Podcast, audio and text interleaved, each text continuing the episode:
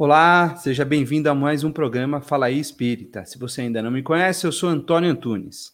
Antes da gente começar o programa de hoje, eu vou dar aqueles recadinhos que a gente sempre tem que dar, né? Primeiro, se você ainda não é inscrito no canal, se inscreva aqui no canal.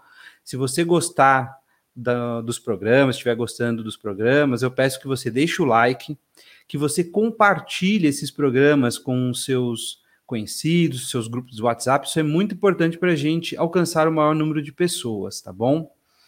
Uh, e também, se você ainda não é inscrito, não sei se eu já falei, se inscreva aqui no canal.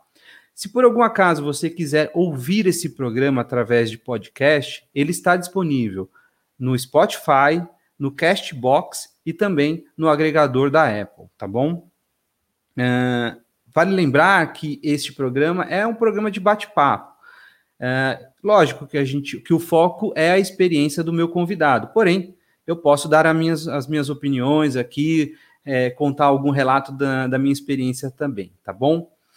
No programa de hoje, eu vou conversar com Nelson Fernandes Júnior. Ele é gestor de saúde, tem uma larga experiência uh, dirigindo hospitais de psiqui psiquiatria. Ele também é um dos fundadores da, da Associação Pró Saúde Mental. Vamos dar alô para ele aqui, chamar ele para a nossa live. Olá, Nelson, seja bem-vindo. Antônio, boa noite. Como vai? Tudo bem? Tudo e você? Muito bem, graças a Deus.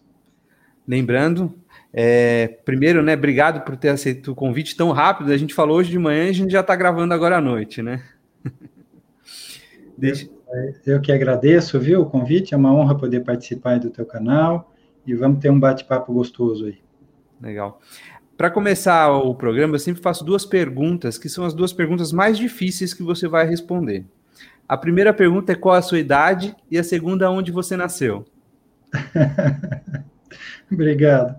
É, Para homens, normalmente a idade não, não tem muita importância, né? Estou é. com 52 e sou nascido e criado na Morada do Sol, em Araraquara, São Paulo. Legal. Do interior de São Paulo. Isso. Legal.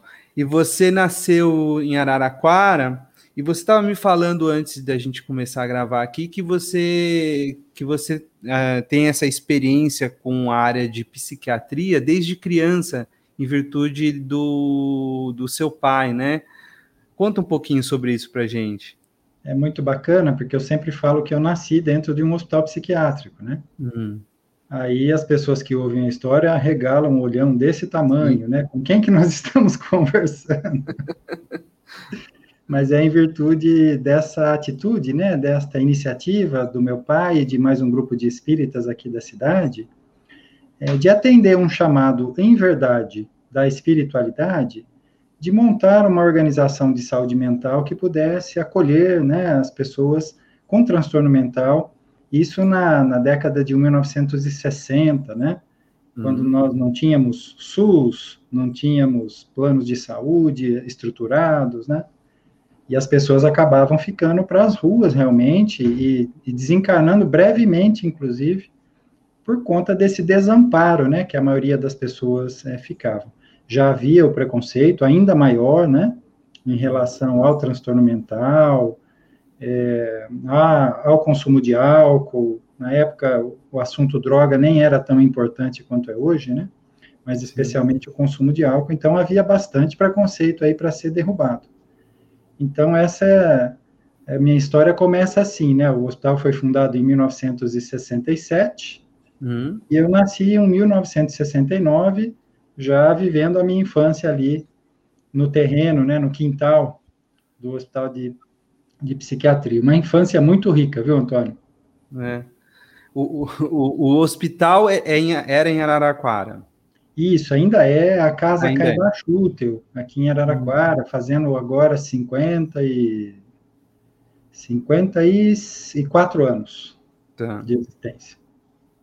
O, o hospital, então, ele foi formado pelo, é, foi fundado pelo seu pai, e é, por trás dessa, desse hospital, então, tinha uma entidade espírita, é isso?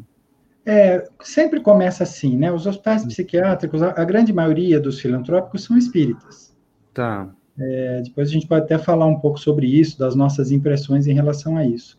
E como tal, eles acabam sendo um desdobramento de um centro espírita, né? Uhum. No caso aqui em Araraquara, foi um desdobramento do Centro Espírita Pascoal Grossi, né, uma casa uhum. antiga tradicional, é, tradicional da cidade, é, que formou muita gente boa né, para a doutrina, e foi a partir dali é, que ele e mais outros companheiros ali de doutrina acabaram é, empreitando essa tarefa que, olha, vou te dizer, viu, tem que ter muita coragem, viu? Pra... Eu, eu, eu, imagino. nada. Você sabe, você sabe como é que nasceu é. Os recursos para fazer o hospital? Arrecadando-se hum. jornal velho e garrafa vazia. Assim, entre outras coisas, lógico, né? Claro. Mas olha lá, como é que você pensa em fazer um hospital do nada, né? Literalmente do nada. E, e, e, o seu pai, ele tinha alguma experiência com a área de saúde? Não tinha. Na verdade, na verdade, tinha, assim. Ele, na época, ele trabalhava como atendente de enfermagem, né? Tá. O atendente de enfermagem num hospital público aqui da, da cidade, da, da cidade vizinha, Américo Brasilense. Tá. Então, a experiência que ele tinha era essa, né? Mas essa conversa da, da psiquiatria, ela nasceu dentro do centro espírita mesmo, né? Hum. Diante da necessidade de acolher as pessoas com transtorno mental. É, que, como eu já falei, né? ficavam ao relento, né? As famílias não davam conta, outros simplesmente saíam de casa e viravam andarilhos, mas o fato é que essas pessoas ficavam sem tratamento e sem acolhimento, vivendo na rua. E isso sensibilizou esse grupo de espíritas e começaram a trabalhar nesse sentido. É, também assim, né? É, quando o espírita é tocado por fazer alguma obra, ele procura fazer algo que vai fazer a diferença, né? É Sim. uma marca isso do, do espírita. E não havia esse tipo de atendimento em toda a região aqui. É, então, justificava-se também pela ausência do, do serviço na região. Tá. E, e a sua experiência é, como criança? Você, você frequentava o hospital como, como criança, quando criança? Era meu quintal. Jura? Juro. É, como que eram as experiências? Pois não. Como que eram essas experiências de você estar tá lá no hospital junto com esses assisti é, os, é, é, os assistidos ficavam internados lá, era isso? Ficavam, isso, é um hospital, né? E aquele modelo tradicional, né? De internação de, de alguns meses, inclusive, para tratamento. Sim. Outros que não tinham família, né? Como até hoje existem alguns, algumas pessoas que são moradores dos hospitais, né? Hoje, Sim. numa condição assim mais humanizada, vamos dizer assim, né, numa tecnologia que não havia na época. Mas assim, a infância foi um barato, né? Porque você imagina na cabeça de uma criança como é que é ver esses comportamentos todos. E antigamente, Antônio, antigamente, né? Parece que eu sou um vovô, né? Mas assim, há 40 anos atrás, 50 anos atrás, é, a gente tinha aquela figura do louco furioso, né? Hum. É, das pessoas que realmente, por falta de tratamento adequado, acabavam sendo agressivas e aqueles comportamentos bizarros, né? E olha, eu tenho a impressão que as manifestações do transtorno mental eram mais graves também. Tá. Então, você imagina para uma criança ver Sim. isso tudo acontecendo, é, mas nada é por acaso, né, neste, neste mundo. Eu aprendi muito, assim, sobre saúde emocional, sobre equilíbrio, sobre adoecimento, é, sobre relações humanas, viu? Nossa, aprendi muita coisa. Mas foi uma infância divertida, porque o hospital ficava numa área rural, hum. então tinha um quintalzão, assim, né? Com árvore para subir, com um monte de areia para brincar, é, com carriolinha para carregar tijolo para lá e para cá, porque o hospital estava em construção também, eu brincava no meio da construção, é né? Não. É, então, uma infância diferente, mas muito rica, assim, sou muito grato aos meus pais por terem proporcionado tanto ao meu pai quanto à minha mãe, né, de estar uhum. envolvida no projeto também, a dona Helena, uhum. que acabou é, me dando essa oportunidade de ter uma vivência tão rica, assim, na infância. Eles são vivos? Meu pai desencarnou em 97, novo, uhum. até com 59 anos, minha mãe é viva. Minha mãe está com 83. Nossa. É, nossa, 57 anos é novo. É 59, 57? Quanto? 57, 59, 59 anos. É novo mesmo, bem novo. É, é, lutou muito com a vida, viu? Foi sempre um batalhador. Uhum. Chegou uma hora que acho que já deu, o coração falou: para, Agora, daqui eu não vou mais para frente. Mas é um trabalhador que continua conosco firme, viu? É, Legal. É, e, e, você. É. E, e, você, na sua infância, você tem. Você, então, você lidava com essas situações com. Não, tem, não teve nenhum trauma em assistir alguma cena traumática, nada? Ah, Porque eu imagino, eu acho que eu ficaria, eu ficaria meio que traumatizado com algumas, né? Porque criança se impressiona, né, facilmente. É, né? Eu acho que tinha muito amparo, uhum. mas também é, eu precisei bastante de psicanálise, viu? Para te ser sincero, eu precisei trabalhar muita coisa, porque assim é, é fora do comum, né? É, realmente o, o psiquismo da criança ali não está preparado, né, para essas vivências. É. Mas eu sempre fui muito amparado, viu? Sempre me senti seguro e, apesar de, de estranhar os quadros, nunca me senti ameaçado ou é, numa condição de perigo, né? Vamos dizer assim, sempre Entendo. de boa. Estava ali, mas você, via que você estava seguro, né? Por é, mais que de, alguma, alguma... de alguma forma, é, acho que estava tá tudo certo. Nunca fui agredido, nem nada. E, e, você, tem, você tem alguma lembrança que seja engraçada, que você acha interessante relatar? Algum ah, fato? tem muitos, viu? Tem, tem muitos.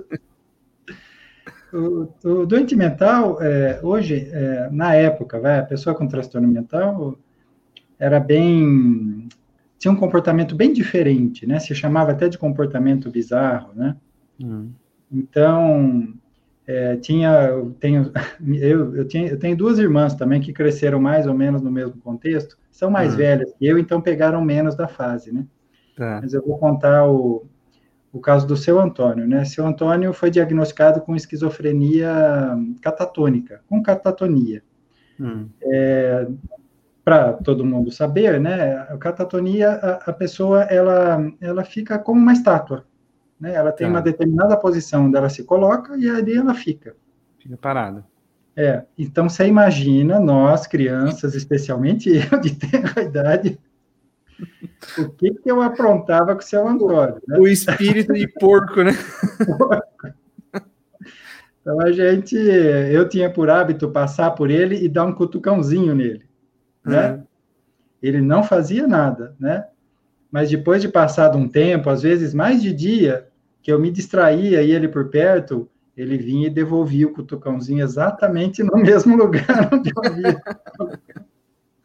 então é. eram cenas assim que a gente acabava se divertindo, né? Noutros momentos, né, é, a gente se divertia com as histórias, né? Porque as pessoas com esquizofrenia paranoide, por exemplo, é um mundo paralelo. Sim. Então nós tínhamos lá o seu Orlando, né? O seu Orlando andava só de terno, né? Uhum. E ele conversava com Deus. Tá. Hoje a gente sabe que a esquizofrenia tem um componente de mediunidade importante que a gente pode falar, né? Tá. Mas na época, enfim, né? Era a loucura. Sim. E era muito engraçado presenciar os, os diálogos do seu Orlando com o criador, né? Hum. Que uma hora tinha um formato de pomba, outra hora de andorinha, hum. outra hora de urubu, né? mas era um diálogo assim efusivo. E normalmente eh, Deus aconselhava ele a imprimir mais dinheiro, porque faltava dinheiro no mundo. Então ele fazia as notas à mão uhum. e pedia para colocar na copiadora para fazer mais dinheiro para poder comprar as coisas no mundo, porque senão falta tudo no mundo, né? Uhum. Então esse era o seu Orlando também. Nossa, mas é. tem muitos, muitos casos interessantes. Interessante. E, e aí você então cresceu nesse ambiente e você e dentro de uma casa espírita também, né? Sim. É, a minha vivência mais intensa no espiritismo começou na mocidade. Tá. Né? Antes eu frequentava com os meus pais, né? Ambiente de palestra, de assistência espiritual, dentro da casa Caibar, né? Do hospital tinha um tá. serviço de assistência espiritual que eu participava eventualmente das, das sessões, né? Mas eu comecei mesmo na programática espírita durante a mocidade, com meus 16, 17 anos. Tá. Influenciado pelos seus pais, né? Sem dúvida nenhuma, né? Eu não tive outra formação religiosa, né? Meus pais, ah. quando eu nasci, já eram espíritas. Hum. Então, eu sou daqueles que todo mundo olhava e falava, coitado, ele não é batizado, né? não, não, não, faz a comunhão, né? Não, não fez primeira comunhão, nossa, é um perdido, né? Todo mundo falava isso.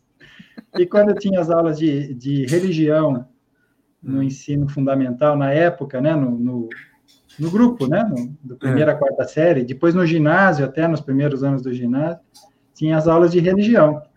E quem dava Sim. aula de religião era um padre. Né? Claro. E eu, ingenuamente, o padre falava para deixar todo mundo à vontade: olha, quem não for católico, se quiser sair, pode ficar à vontade, né? Adivinha quem era o único que saía da classe? Aí que o povo falava mesmo, coitado, ele não é batizado, não fez primeira comunhão, dá um desconto para ele. é, é. O, mas o padre não tinha nenhum preconceito com você. Não, não tinha. Ele falava para não ofender a crença dos outros, né? Então, sim, quem sim. não é católico, se quiser sair, pode sair, né? Mas é. tinha outros, tinha evangélicos na classe que não saíam, ficavam, né? Mas uhum. eu entendia que, que era para eu sair. Então, eu saía da classe. Ficava sozinho no pátio e as pessoas comentavam: ah, é aula de religião, ele não participa. Hum. Parece aqueles, né, adventistas do sétimo dia, né? Que o pessoal fala, acho que, né, que tem que ficar isolar. Isso, é diferente, é, né? É isso, é. Então teve o... essa, essa, fase na escola também. Depois eu compreendi que não, era só um convite, né? Que você podia ficar para aprender um pouco hum. do catolicismo e até aprendi um pouco, né? Assim, aprendi a admirar um pouco da liturgia, da simbologia do catolicismo também. A escola era uma escola, então, católica que você fez? Você Não, é escola estadual mesmo. Estadual? Escola ah. pública, é, tinha, aula, tinha aula de religião. Você é um menino novo, não pegou essa época, mas... não, minha... eu, é que eu estudei... Eu, é, eu tenho 43, né? Mas, assim, eu estudei no, em colégio católico, né? Então, então eu tinha aula de, de, de religião. Assim, é que quando eu era criança, eu até frequentei um pouco, meu pai ia de vez em quando na federação, tal, não sei o quê, mas é, é, que nem você, eu acho que eu, eu, me aproximei dentro do espiritismo mais com 17, 18 anos mais para frente, né? Então, uhum. é, não tinha nada de, assim, eu assistia às aulas de religião, normal, tal. É, depois, acho que por conta dessa laicidade do, da, é, da nação, né? Sim. É, aí as aulas de religião não, não aconteciam mais. Foi, foi mais na, no grupo mesmo, grupo escolar de primeira a quarta série que eu tenho essa lembrança. Legal. E, e aí então você é, aí você começou a trabalhar, porque você falou que você tem uma larga experiência como dirigente de hospital psiquiátrico, né? Pois é, essa é uma história. Como que você é, a sua formação, você se formou como, como gestor? Como que foi? É, eu vivi a infância e a adolescência no hospital ali, né, envolvido com o hospital. É, depois fui é, estudar, é, fui para a área da química Uhum. Uh, depois é, comecei a trabalhar na indústria de alimentos e dali fui fazer administração. Uh, e nesse período, exatamente quando eu estava ainda concluindo o ensino de administração, lá, a faculdade de administração, é, meu pai resolveu desencarnar, hum. sem aviso. não mandou um e-mail, não hum. passou um SMS, nada. resolveu desencarnar. É, e o que, que acontecia? Ele sempre foi o, a pessoa que dirigiu os destinos do hospital aqui de Araraquara, né? Ah. É, desde a fundação. É, e ele, não, por ser novo, não estava ainda preocupado com essa história da sucessão, né? Sim. Então, a instituição ficou um pouquinho acéfala, porque os demais diretores colaboravam com ele, mas não tinham aquela segurança, né, de administrar, porque o hospital é, é uma organização complexa, né? Sim, e, e, além de ser complexa, é filantrópico, né? Pois é, de onde que vem, que vem o dinheiro para poder manter uma obra dessa, né? Então, Sim. assim, ficou todo mundo meio batendo cabeça, pediram a minha ajuda, uhum. É, eu comecei a ajudar ali, trabalhando ainda na indústria, tentando fazer é, esse compa é, é como é que é compatibilidade. É, compatibilizar é. ainda o estudo com o trabalho na indústria, com o trabalho voluntário lá na instituição. Uma hora me chamaram para uma reunião e falaram: olha, não vai ter jeito, né? Você vai ter que deixar seu trabalho e vir para cá trabalhar aqui, porque a gente não vai dar conta, não tem outra pessoa, você é a pessoa que pode mais ajudar nisso aqui, né? Uhum. Bom, eu fiquei três meses enrolando, na verdade, antes de, de aceitar essa proposta, né? porque eu estava em outro caminho, né? Totalmente Sim. diferente. Uhum. Mas, enfim, é, mudei o curso de, de administração de empresas para administração hospitalar, uhum. Vi que dava para encarar e, e fui é, com o objetivo assim, falou, então tá, eu fico uns cinco anos é, até vocês pegarem o jeito, depois eu toco minha vida, né? Só na direção foram 20 anos. Né? É, eu falo, né? A, a, vida, não tem jeito, a gente não pode lutar contra, contra a vida, né? A vida, você quer ir para um lado, a vida fala assim: deixa eu te falar, você quer continuar indo aí? Não tem problema. Mas é, o seu caminho é esse daqui, ó. Né? Uma hora ela vai te trazer para o teu caminho, né? Graças a Deus que é assim, né? Porque senão a gente desvia para tudo que é lado. Né? É, é. Depois a gente, é, eu comecei a, a ver a necessidade de juntar esses hospitais, né? De, de tentar fazer aí um, um movimento, né? Dessas poucas organizações que sobraram, né? No país. E a gente fundou uma associação que é a Pro Saúde Mental, Uhum. E trabalhamos com ela até hoje, assim, no sentido de procurar trazer um pouco mais de, de soluções para a gestão dos hospitais, especialmente para o capítulo da sustentabilidade, né? E uhum. também para ajudar na melhoria da qualidade da assistência. Tá. Porque ainda hoje, a participação do conhecimento espírita diretamente na assistência em saúde mental é muito pequena. É pequena? Ela poderia, é, ela poderia ser muito maior e ajudar muito mais. Tá. Então, a gente está, ultimamente, procurando fazer esta junção né, entre saúde mental e espiritualidade. Tá. É, sem, sem muito a conotação religiosa, né, porque senão a gente exclui muito das, é, das pessoas, né, se nós rotularmos em espiritismo, por exemplo, nós estamos falando de 2% da população brasileira, né? Sim. E justamente aqueles que não precisam da assistência psiquiátrica, né? Hum. Então, a gente procura trazer para o capítulo da espiritualidade e fazer uma, uma conversa entre as instituições também para que é, essa prática, né, é, espiritual vá se agregando aos poucos ao tratamento científico também. Entendi. O, então, assim, o hospital aí de, de Araraquara era, um, era isolado e aí você decidiu a, a fundar a Associação Pro Saúde Mental para unificar o, todos os hospitais psiquiátricos? Isso, é. Não foi uma decisão só minha, né? Assim como lá na fundação da Casa Caibar, meu pai contou com outras pessoas, Sim. eu também estava envolvido com um grupo de outros dirigentes que tinham essa vontade. Em princípio, aqui no interior do estado de São Paulo. Tá. Depois a gente conseguiu estender isso um pouco mais para o estado todo, para a capital. Fizemos uma sede na capital. Hum. E dali a gente conseguiu fazer é, parcerias, principalmente com uma universidade que se interessou pelo assunto.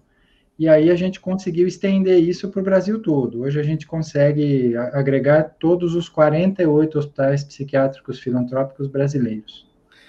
E, e, você, você me disse que hoje, então, hoje são só 48 hospitais especializados em psiquiatria, né, em saúde mental. Isso. É, é, os filantrópicos. Eram... Filantrópico, é, sim. É. Isso, isso. Os filantrópicos. Chegou a ser 200, é isso? Isso. É, na, no início da década de, da, do século é, 20, uhum. é, 1920, 1930, é, inícios meados, né? Meados, é, houve um grande movimento dentro do espiritismo no sentido de fundar hospitais é, psiquiátricos, filantrópicos. Tá. É, pela mesma razão que aconteceu aqui em Araraquara, né, para acolher as pessoas que vagavam sem atendimento, ou Nas porque ruas. saíram de casa, ou porque a família não deu conta, enfim. Hum. É, a mesma razão motivou assim a maioria deles, né? Então chegaram a ser fundados e, e chegaram a funcionar um pouco mais de 200 hospitais no Brasil todo. Tá. É, depois teve um movimento, um movimento da ciência chamado Reforma Psiquiátrica, hum. que era para melhorar as práticas, né? Porque na época o Estado tinha grandes hospitais psiquiátricos, como o do Juqueria, em Franco da Rocha, né? Tá. Aliás, a cidade de Franco da Rocha nasceu em homenagem ao Dr. Franco da Rocha, que fundou o Hospital do Juqueri. O Hospital do Juqueri, Antônio, chegou a ter mais de 20 mil pacientes internados. Nossa! É, nas suas diversas colônias, era uma grande fazenda, na verdade. Você imagina que humanidade se tinha com 20 mil pessoas com transtorno mental concentradas num único local.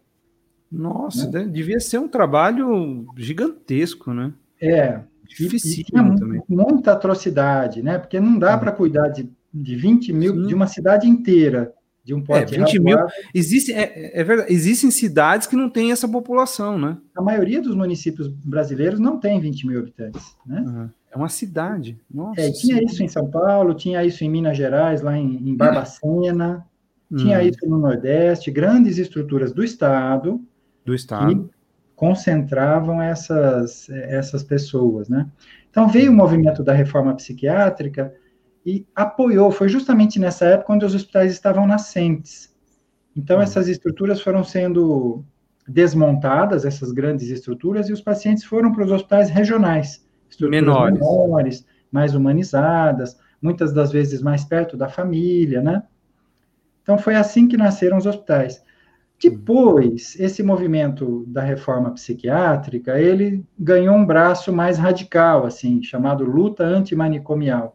Já ouvi né? falar. É. é. a luta antimanicomial, em que pese né, o respeito que se deva à ideia de acabar com manicômios, Sim. ela fez uma confusão entre o hospital especializado em psiquiatria e o manicômio. Hum. Colocou todo mundo no mesmo nível e começou a trabalhar pela extinção dos hospitais psiquiátricos no Brasil. Nossa! Né? E aí foi um desmonte geral, porque isso acaba influenciando as políticas do governo. Sim. O governo é, que tinha, que faz, que faz até hoje repasses, né, via SUS, para a hum. manutenção desses hospitais, foi segurando esses valores e os hospitais foram falindo, né? Então, de não 200, tem verba? É, não tem verba. Não, é, são estruturas caras, né? O tratamento Sim. hospitalar é caro. É. E aí você hoje de 200, mais de 200, hoje você só tem 48. É graças a Deus, né? As grandes estruturas foram diminuídas, aqueles que ainda precisaram permanecer grandes pelo volume de assistência se humanizaram. Então hoje o quadro está bem melhor do que do que já esteve, né? Mas teve é. esse reflexo é, da desassistência gerada pela desativação de um grande número de hospitais de maneira meio que restrita, né? Então, tá. é, é, uma área, é uma área que ficou menor hoje, né? É, criou-se um preconceito, eu acho que quando você chama de manicômio, realmente, né, é, é, é, é um nome feio, né, você, uhum. você, fala manicômio, você tem aquela imagem daquele lugar fechado, insalubre, uhum. né, mal uhum. cuidado, sujo, né, então, é realmente, ele... É, isso foi o que enfrentou Felipe Pinel, né, no, no, no começo do século XVIII, lá na Universidade de Paris, no, no Hospital Labicetra, né? Os, os, os, os, loucos ficavam no porão, né? Na hum. época, na nomenclatura, eram, eram loucos, né? E não tinha nem luz solar, né? E não hum. tinha nem tratamento, eles só ficavam contidos no porão, né? Então, aquela hum. ideia é a ideia do manicômio, né? Sim. É, e isso precisa ser combatido sempre, né? E a gente também é firme em não deixar isso acontecer. Na pró-saúde mental, é, nós é, fazemos questão, né, que todos os hospitais tenham um nível de humanização, de espiritualidade muito alto, né?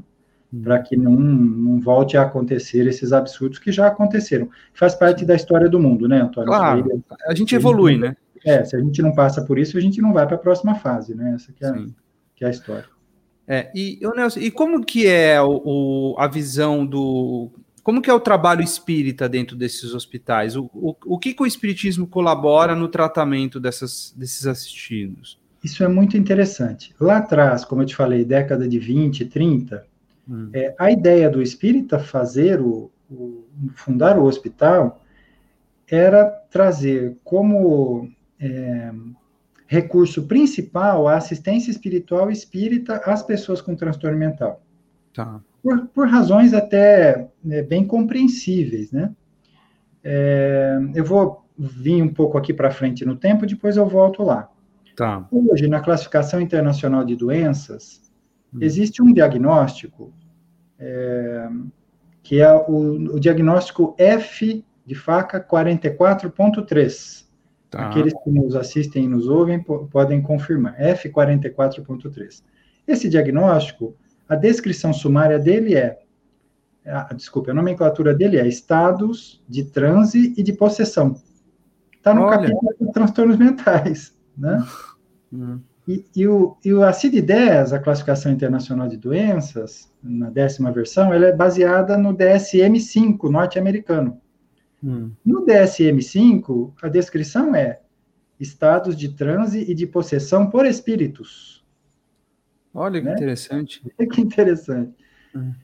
E quando você vai para a descrição sumária do diagnóstico, ele destaca ali duas coisas que são super importantes. Primeiro, esse diagnóstico exclui a esquizofrenia, hum. que é a ocorrência premente dentro dos transtornos mentais. 50% dos diagnósticos em, em, transtornos mentais são de esquizofrenia nas suas mais variadas formas. Tá. E se você identifica ali um problema de transe de possessão, você descarta a esquizofrenia. Olha só, que interessante só que um detalhe, vai, antes de voltar lá para o século XX. É, eu, até hoje, em toda essa vivência de décadas que eu tenho dentro da área da psiquiatria, não vi um único diagnóstico desse. Quando eu pergunto para os médicos por quê, eles dizem, eu não sei fazer esse diagnóstico. Ah, existe o diagnóstico, existe a classificação da, do, do, do, da doença, mas os médicos eles acabam não, fazendo, não, não diagnosticando como tal por desconhecimento. Porque não sabe diferenciar. É, tá ali, mas veja bem, como é que você, é, você, você diferencia um delírio de uma, de uma audiência mediúnica? Como é que você faz hum. isso? Não tem é. instrumentos para o médico aplicar para ele diferenciar uma coisa de outra. E, e outra questão, para você admitir a mediunidade, você teria que admitir a vida após a morte. Sim. Que a medicina ainda não tem caminho para isso? É. Né? Você te, teria que admitir a existência de um espírito Sim. e, como tal, um princípio inteligente que tem que ter um criador, e a, e a ciência ainda está muito longe de compreender Deus, o espírito, a evolução, ainda está distante. Mas lá atrás, quando é, os hospitais espíritas, quando os espíritas resolveram montar hospitais de psiquiatria, eles tinham em mente isso, que era poder oferecer é, assistência espiritual espírita como a principal forma de tratamento dentro dos hospitais. Você já deve ter ouvido falar na obra do Dr. Inácio Ferreira, Sim. Do, do Sanatório Espírita de Uberaba. Sim. É, eu ouvi falar. É, é, contemporâneo do Chico, né? Quem fundou o hospital foi a Dona Maria Modesto Cravo, também hoje é, espírito muito psicografado, né? Assim como o Dr. Inácio lá pelo é, pelo Bacelli, pelo Carlos Bacelli de Uberaba, né? O uhum. doutor Inácio tem muitas obras, né? É, exemplo, Psiquiatria sobre Novo Prisma, onde ele fala deste, deste capítulo é, de, da assistência espiritual espírita como é, ferramenta principal de tratamento dos transtornos mentais. No início foi assim. É, depois, os hospitais foram sendo normatizados Hum. E aí, meu caro, é, por falta de sustentação científica, é, a assistência espiritual continuou existindo, mas como algo paralelo. Como, como um alternativo? Se, se, como, um, como fosse uma prática integrativa, né? Que é oferecida ah. àqueles que têm disponibilidade. E ali é feito, normalmente, né? uma pequena palestra de esclarecimento sobre a vida, é, água fluidificada, o passe magnético, e algumas das vezes é, é, o trabalho mediúnico de desobsessão, mas aí sem a presença do, dos assistidos, logicamente, né? Tá. Então, é, ela, a assistência espiritual, ela resistiu dentro dos hospitais, mas como um departamento, como, como uma prática integrativa paralela e auxiliar ao tratamento. Tá. É, hoje, aí, só para complementar o raciocínio, hoje em dia a gente está procurando reavivar isso, né? Tá. Por exemplo, é, conversando com os médicos sobre essa questão do, do diagnóstico de estados de transe e de possessão. Né? Hum. Hoje há mais abertura para isso. Hoje o, o tema espiritualidade tem sido mais aceito pela ciência como uma forma importante de condição do paciente para um, um prognóstico melhor, né? Tá. E, e, e, os médicos têm aceito isso? Como que eles têm recebido esse tipo de. De maneira geral, sim, só que como uma prática paralela, que ajuda no, no, comportamento do, do tá. indivíduo. Tá. Né? Tá. Não, não como, um tra... como um tratamento efetivo, não como algo assim, olha, esse caso aqui é um caso de transtorno, de, de, né, de possessão tal. Isso ainda não, não. Você não consegue diagnosticar ainda, não tem esse tipo de diagnóstico. É, não, não tem, mas com o advento dos médicos espíritas, Sim. dos psicólogos espíritas, enfim, dos enfermeiros espíritas, né? Essa visão fica mais forte, mas ah. é, é, ainda informal.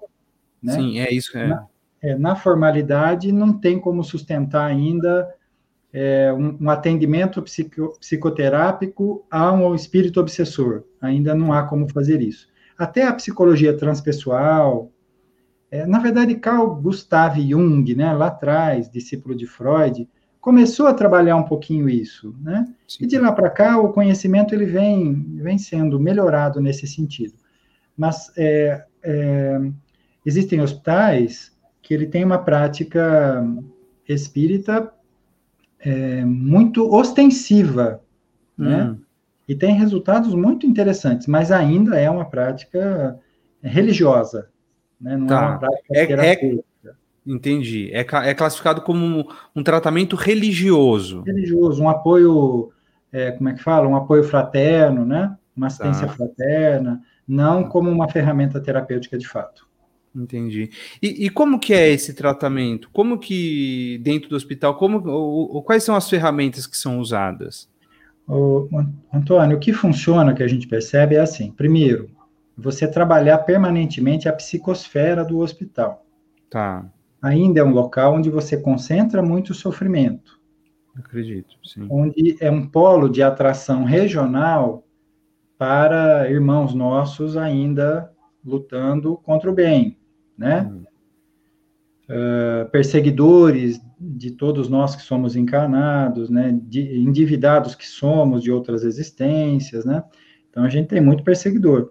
E quando você concentra essas pessoas num local para assistência, naturalmente esses perseguidores também se voltam à instituição e te tratam como inimigos, né? Porque você está tentando ajudar alguém que é um inimigo dele.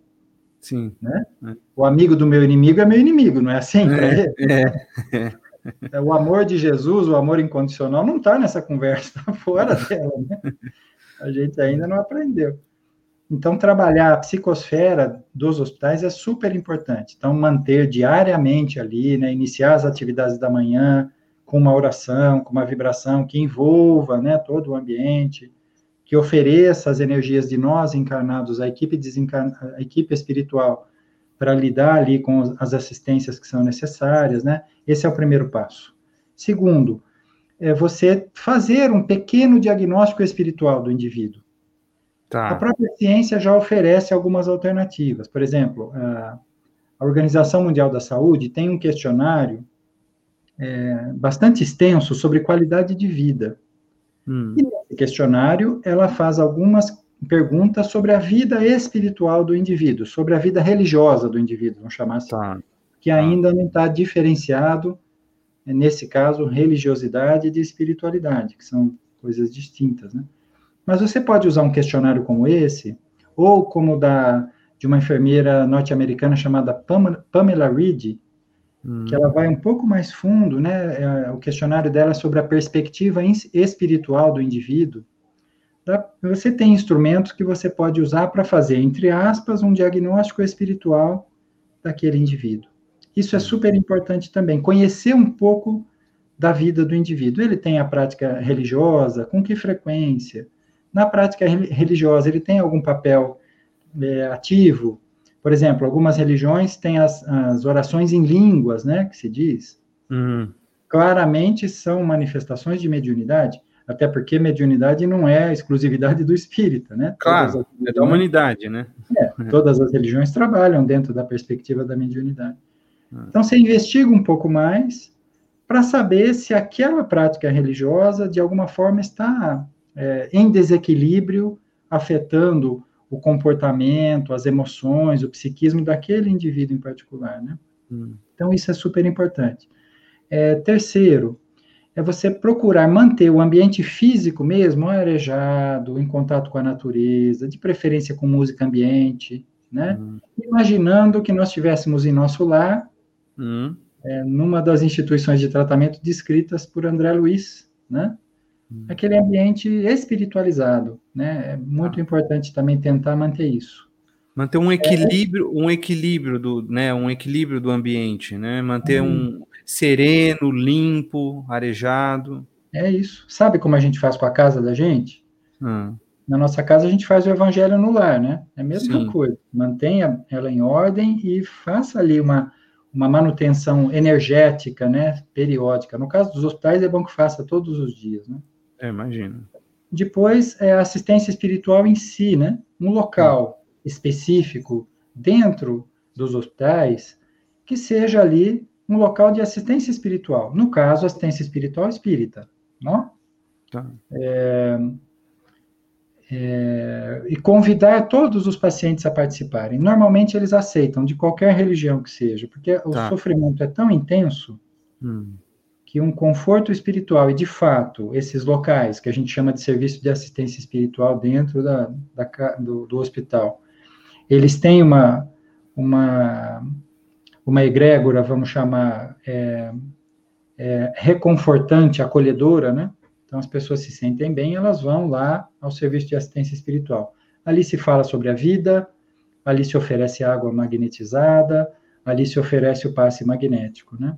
Tá. E, por fim, é, os trabalhos também de desobsessão, tá. nas suas mais variadas formas, né? Existem trabalhos muito interessantes, livros publicados, né? É, por alguma, alguns trabalhos é, é, que ainda não foram incorporados pela doutrina espírita, como, por exemplo, a apometria, né? Hum, já ouvi falar. Estudos lá do Dr. Lacerda, lá no sul do país. Sim. É que ainda não, não, não é doutrina espírita, porque ainda não está ah. pacificado nesse sentido. A apometria é, é você. É, como que é? É um tratamento que você, a pessoa, você tenta tirar a pessoa do, do corpo, não é isso? É um desdobramento, isso. É um desdobramento, né? Isso. E aí você conversa com aspectos adoecidos da própria pessoa, que provavelmente é, é, são personalidades dela de vidas anteriores. Entendi. Interferindo nas vidas atuais. Por exemplo, eu fui um, um guerreiro lá na vida anterior. Hum. Hoje eu tento ser pacífico. Aí esse guerreiro se inflama lá atrás, fala: que pacífico que nada, a gente só vai resolver isso aqui na cacetada, né? e ele começa a interferir no meu comportamento atual. Né? Entendo. Claro. Então, é uma auto-obsessão, é uma persona minha anterior interferindo na, personalidade atual, uhum. né? E mexendo no meu comportamento, me deixando mais agressivo, por exemplo, né? Sim. Então, é, é uma forma de ver. Quando eu digo assim, que não é, não faz parte da doutrina espírita, não me levem a mal, né? É que, é. de fato, uma, isso não se pacificou ainda, né? Se isso é espiritismo, é. se não é. Mas é um, uma, uma opção de tratamento mediúnico, porque é feito é, no meio, é, por meio de corrente mediúnica, né? É muito interessante, que a gente vê resultados interessantes. A desobsessão clássica, né, onde você, o, o espírito incorpora no médium, entre aspas, né? Uhum.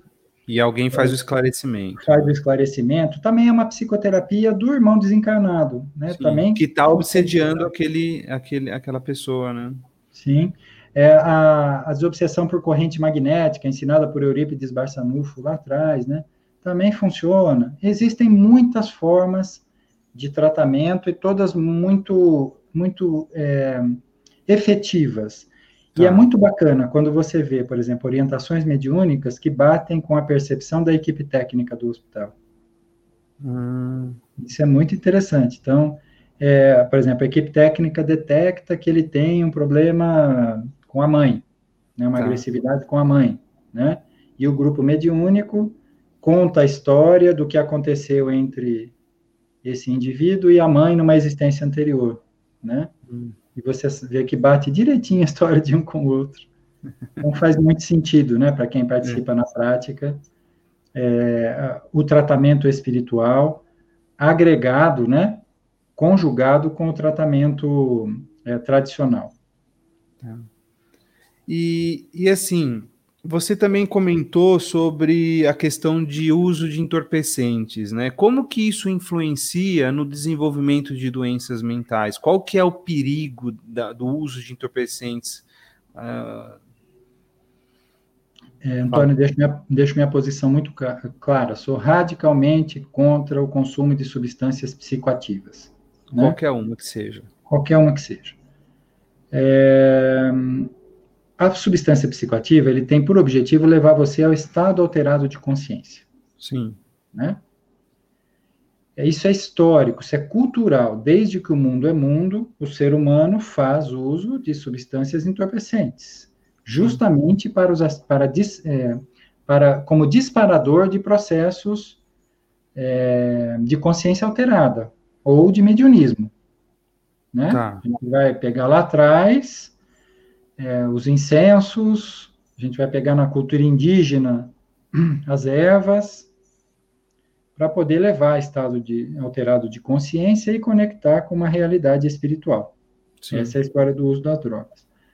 Salvo esse contexto é, religioso, hum. que diga-se de passagem, hoje não é mais necessário porque nós já compreendemos essa relação do mundo físico com o mundo extrafísico.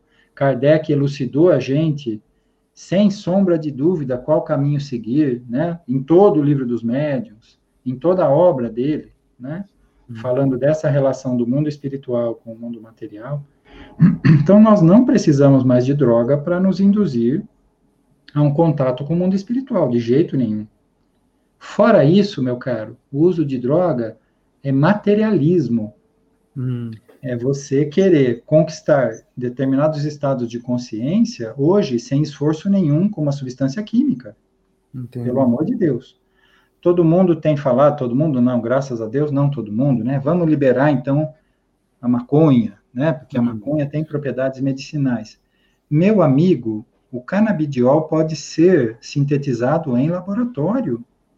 Nós não precisamos plantar maconha para fazer uso do canabidiol para tratar Parkinson, por exemplo.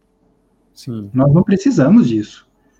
Hum. É muito perigoso o que se tem feito tentando jogar na conta de uma ação terapêutica uma droga que, em muitos casos, olha, na minha vivência, a maioria dos casos, o uso recorrente de maconha leva hum. à esquizofrenia.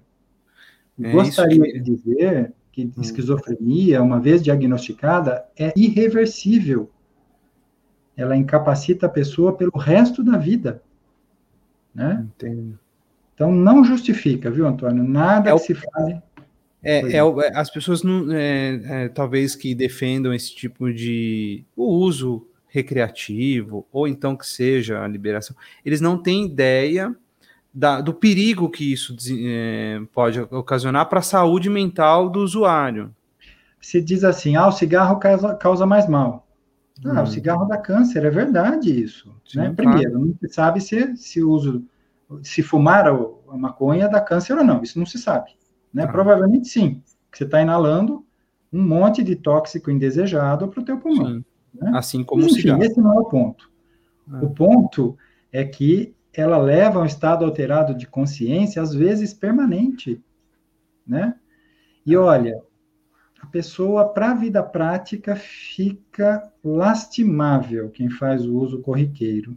Uhum. Ah, mas eu faço uso só recreativo. Meu amigo, você tem ideia de quantas pessoas morreram para esta este tantinho de maconha chegar na tua mão? É, é, tem esse, tem esse outro, tem esse problema. É, existe esse é, que as pessoas não consideram, mas assim, é, é, é, a questão do, acho que eu queria focar um pouco na questão da saúde mental mesmo. O, se a pessoa, ela então, então existe muitos casos de pessoas que come, usua, são usuárias de, de, da maconha, né, da, e tá, né? desenvolveram o doenças mentais que irreversíveis. Irreversíveis. Isso é, é, científico, tem muitos trabalhos no Brasil e fora dele, comprovando a influência da, da, da cannabis como disparador do processo de esquizofrenia. Esquizofrenia. É, gene para esquizofrenia, tendência hum. genética, todos nós temos, né? Tá. Tem um livro muito bacana que é do Bruce Lipton, chama Biologia da Crença. Tá. Ele fala o quê? Ele diz o seguinte: o gene ele não dispara, ele é disparado. Entendi. Né? Então não é a tua tendência genética que vai fazer você ser esquizofrênico. Tá. Porque essa tendência todos nós temos nessa fase da vida que estamos. A questão ah. é como é que você vai disparar esse gene. Entendi. E a cannabis é um disparador desse gene que uhum. leva à esquizofrenia, que, volto a dizer, é uma doença incapacitante irreversível. Por que que nos dias de hoje nós precisamos é, recorrer a uma droga, seja lá para o que for? Né? Já não chega aquelas que a gente tem que tomar normalmente e compramos na farmácia. Sim. Né? Que são para o nosso tratamento. Agora a gente vai mexer com as ilícitas. Elas são ilícitas por alguma razão, né, Antônio? Sim, claro. Não, não é do nada que elas são ilícitas. Ah. E olha, é, da mesma forma a gente poderia falar do álcool, né? O abuso tá. do álcool, né? É, o maior problema hoje de droga adição na sociedade, sem dúvida nenhuma, é o álcool. Sim. Não são as outras tem... drogas ilícitas, né? Hum. Porque ele é lícito e porque ele está em todas as famílias e ele desagrega as famílias Sim. e ele altera o caráter das pessoas que são usuários frequentes, né? Então é um outro grande problema. Então assim, drogas, fica, fica fora, fica longe. Né? Você, é. você, tem como conquistar o teu equilíbrio, a tua paz, o teu contato com o mundo extrafísico, de maneiras muito mais racionais, harmônicas e sem depender de uma substância que pode ser é, te levar a uma doença irreversível, hum. né? E que por trás da obtenção dessa droga existe um mundo todo de violência. Só essa energia, e aí falando Sim. do aspecto espiritual, tá? Só essa energia do crime é, que está impregnada naquela substância que você está usando já é absolutamente nociva para o teu espírito, né? Sim. Então, fica fora disso, por favor. E, e assim, uh, essas aquele chamado chá de santo daime, eu não, eu sei, ele é um uso, ele, ele é tido como uso religioso, mas eu já vi casos, tem o, o, um dos um dos filhos do Chico Anísio perdeu o filho dele pelo uso desse chá de santo daime. Ele tomou, é o, é o Niso Neto, ele perdeu o filho dele porque o, o filho dele foi num, numa reunião, um ritual. Né? É, fez lá o uso do chá de Santo Daime e ele desenvolveu a esquizofrenia e acabou desencarnando. Acho que por, eu não lembro se foi suicídio. Eu sei que ele teve um problema. Ele desencarnou, desencarnou rápido por causa disso. Então, assim, mesmo nesses casos que são, são tidos, é, são, são entorpecentes que são usados como religião, também são perigosos. E até. É, é, é, é sem dúvida nenhuma, mas eu te, te diria assim: por que, que a uhum. gente precisa de drogas para levar um estado alterado de consciência. Nós não precisamos mais disso. Não né? tem mais. A, ah, gente é a tem... tradição religiosa, tudo bem, gente, mas a gente tem que saber quando uma tradição tem que ser renovada, né? Sim. Senão a humanidade não avança, né? Claro. Esse Santo Daime é uma outra, eu não me lembro agora o princípio ativo dele, mas também é um disparador importante da esquizofrenia, já tem vários casos, né? Então, hum. nossa, que bacana, é o contexto cultural. Meu, sinto muito, você está sendo ingênuo, né? Nós não precisamos mais das drogas para fazer contato com o mundo espiritual. É isso, ponto. Hum. Kardec nos deu lá lições mais do que suficientes para educarmos a nossa mediunidade. Você sabe disso, Antônio? Todos nós somos médiums. Sim. Né? Desenvolvamos esse, essa parte da mediunidade para perceber 90% do mundo que a gente não percebe com os olhos. Né? É simples assim. Sim, sim. É, então, é, toda casa espírita tem a sua escola de médiums, né? Quer, pois é, tá ali disponível para todo mundo. Uhum. Vamos desenvolver, quer desenvolver? Vamos lá, vai, vamos estudar, né? Vamos pois entrar é. numa casa espírita e vamos estudar, né? É a danada da preguiça, né? É. Tem que demanda estudo, então tô fora, né? Vou usar a é. porcaria lá. Né? É, é, não, eu achei bem. É, então, é, é, eu acho que isso é muito interessante para jovem, né? O jovem eu, por exemplo, na minha adolescência, a gente sempre tem, a, a, a gente chega a, ser a ter proximidade hum, com colega, né, sem dúvida. É. Eu, tinha, eu sempre tive muito medo. Eu sempre tive muito medo de droga. Então, assim, eu nunca usei porque eu tinha medo, né? Então, assim, eu já tive em rodas de amigos que estavam usando e pulava de mim. Eu falei, não, não quero, entendeu? Então, e, e é difícil. E assim, o jovem, ele tem um problema, que o jovem ele precisa pertencer àquele grupo, né? E você falar não nesse momento é difícil, porque está todo mundo ali. Naquele, então você é o, é, o, é, o, é o caretão, é o chatão, né? E todo mundo fala, pô, não sei o que tal. Mas assim, como eu tinha muito medo e eu não, não queria, eu falava, não, pulava, eu pulava, entendeu? Eu pulava. pulava é, eu tinha também os amigos que faziam uso recreativo, como se diz, né? Hum. E eles faziam isso escondido de mim, veja como é.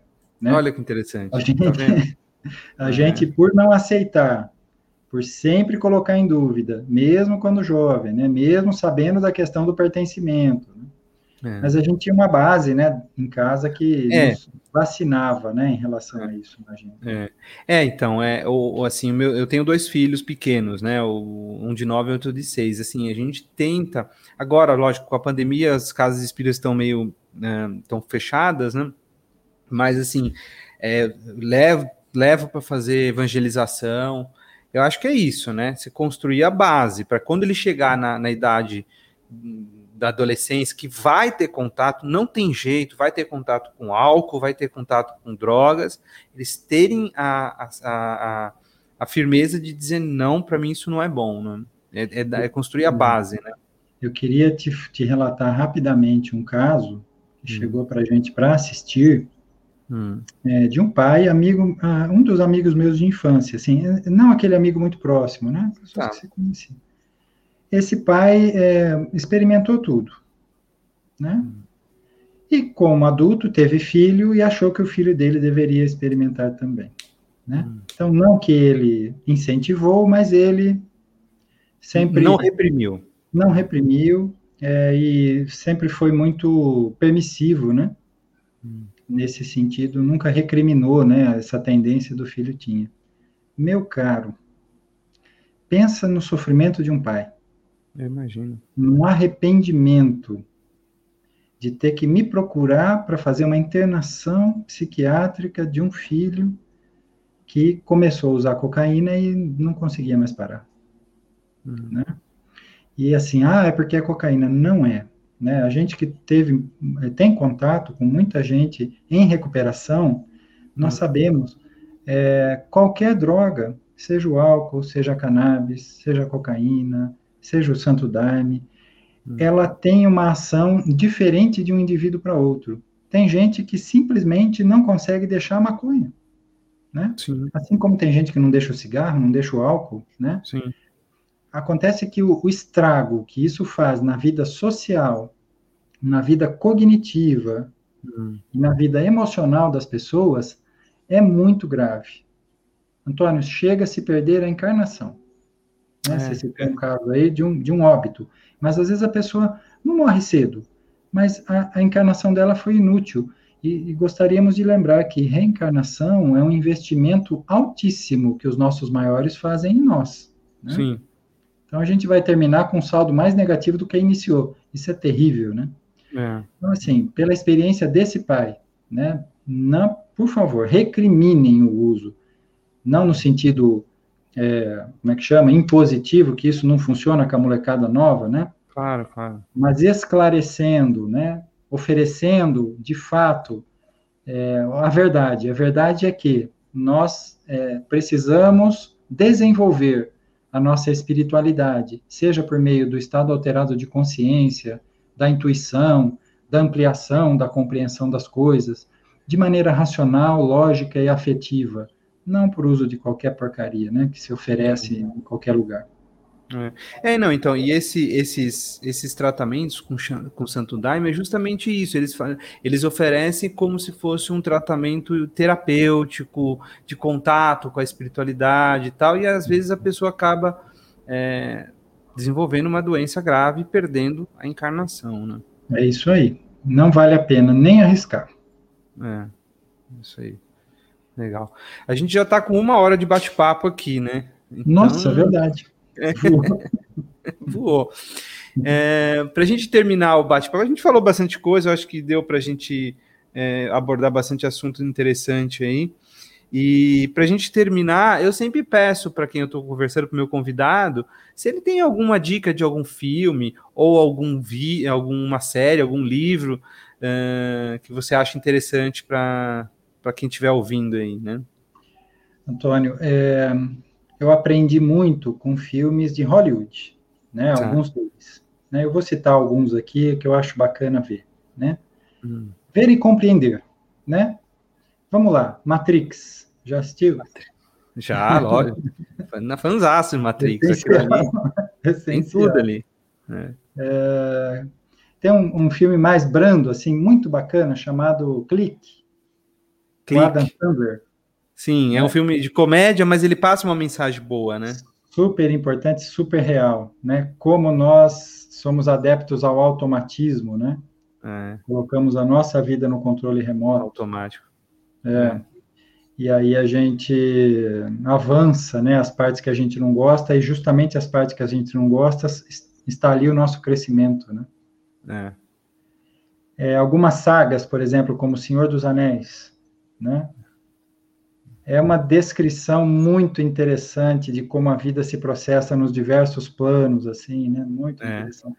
Até o... para a molecada que gosta, o Harry Potter também, todos aqueles filmezinhos, a gente identifica ali né, os planos da vida facilmente. É, é verdade. É verdade. É. Eu, eu, o Senhor dos Anéis, eu, eu li os livros, né, do Tolkien, né? É, ah. Os livros são espetaculares, viu? Muito eles são, eles são, muito mais densos, a jornada do, do é muito maior, é muito mais longa, é bem interessante.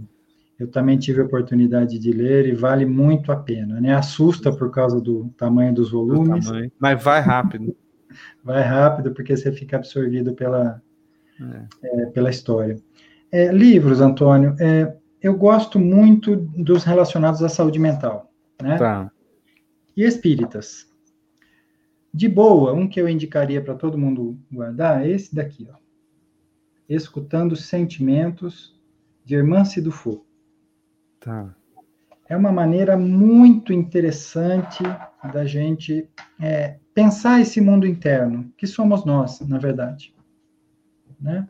A partir do momento que nós é, prestarmos mais atenção nesse mundo emocional, nós vamos estar sabendo mais sobre nós, mais sobre a vida e mais sobre o propósito, né? Esse é um, assim, em termos de mensagem final, que eu gostaria de te dizer.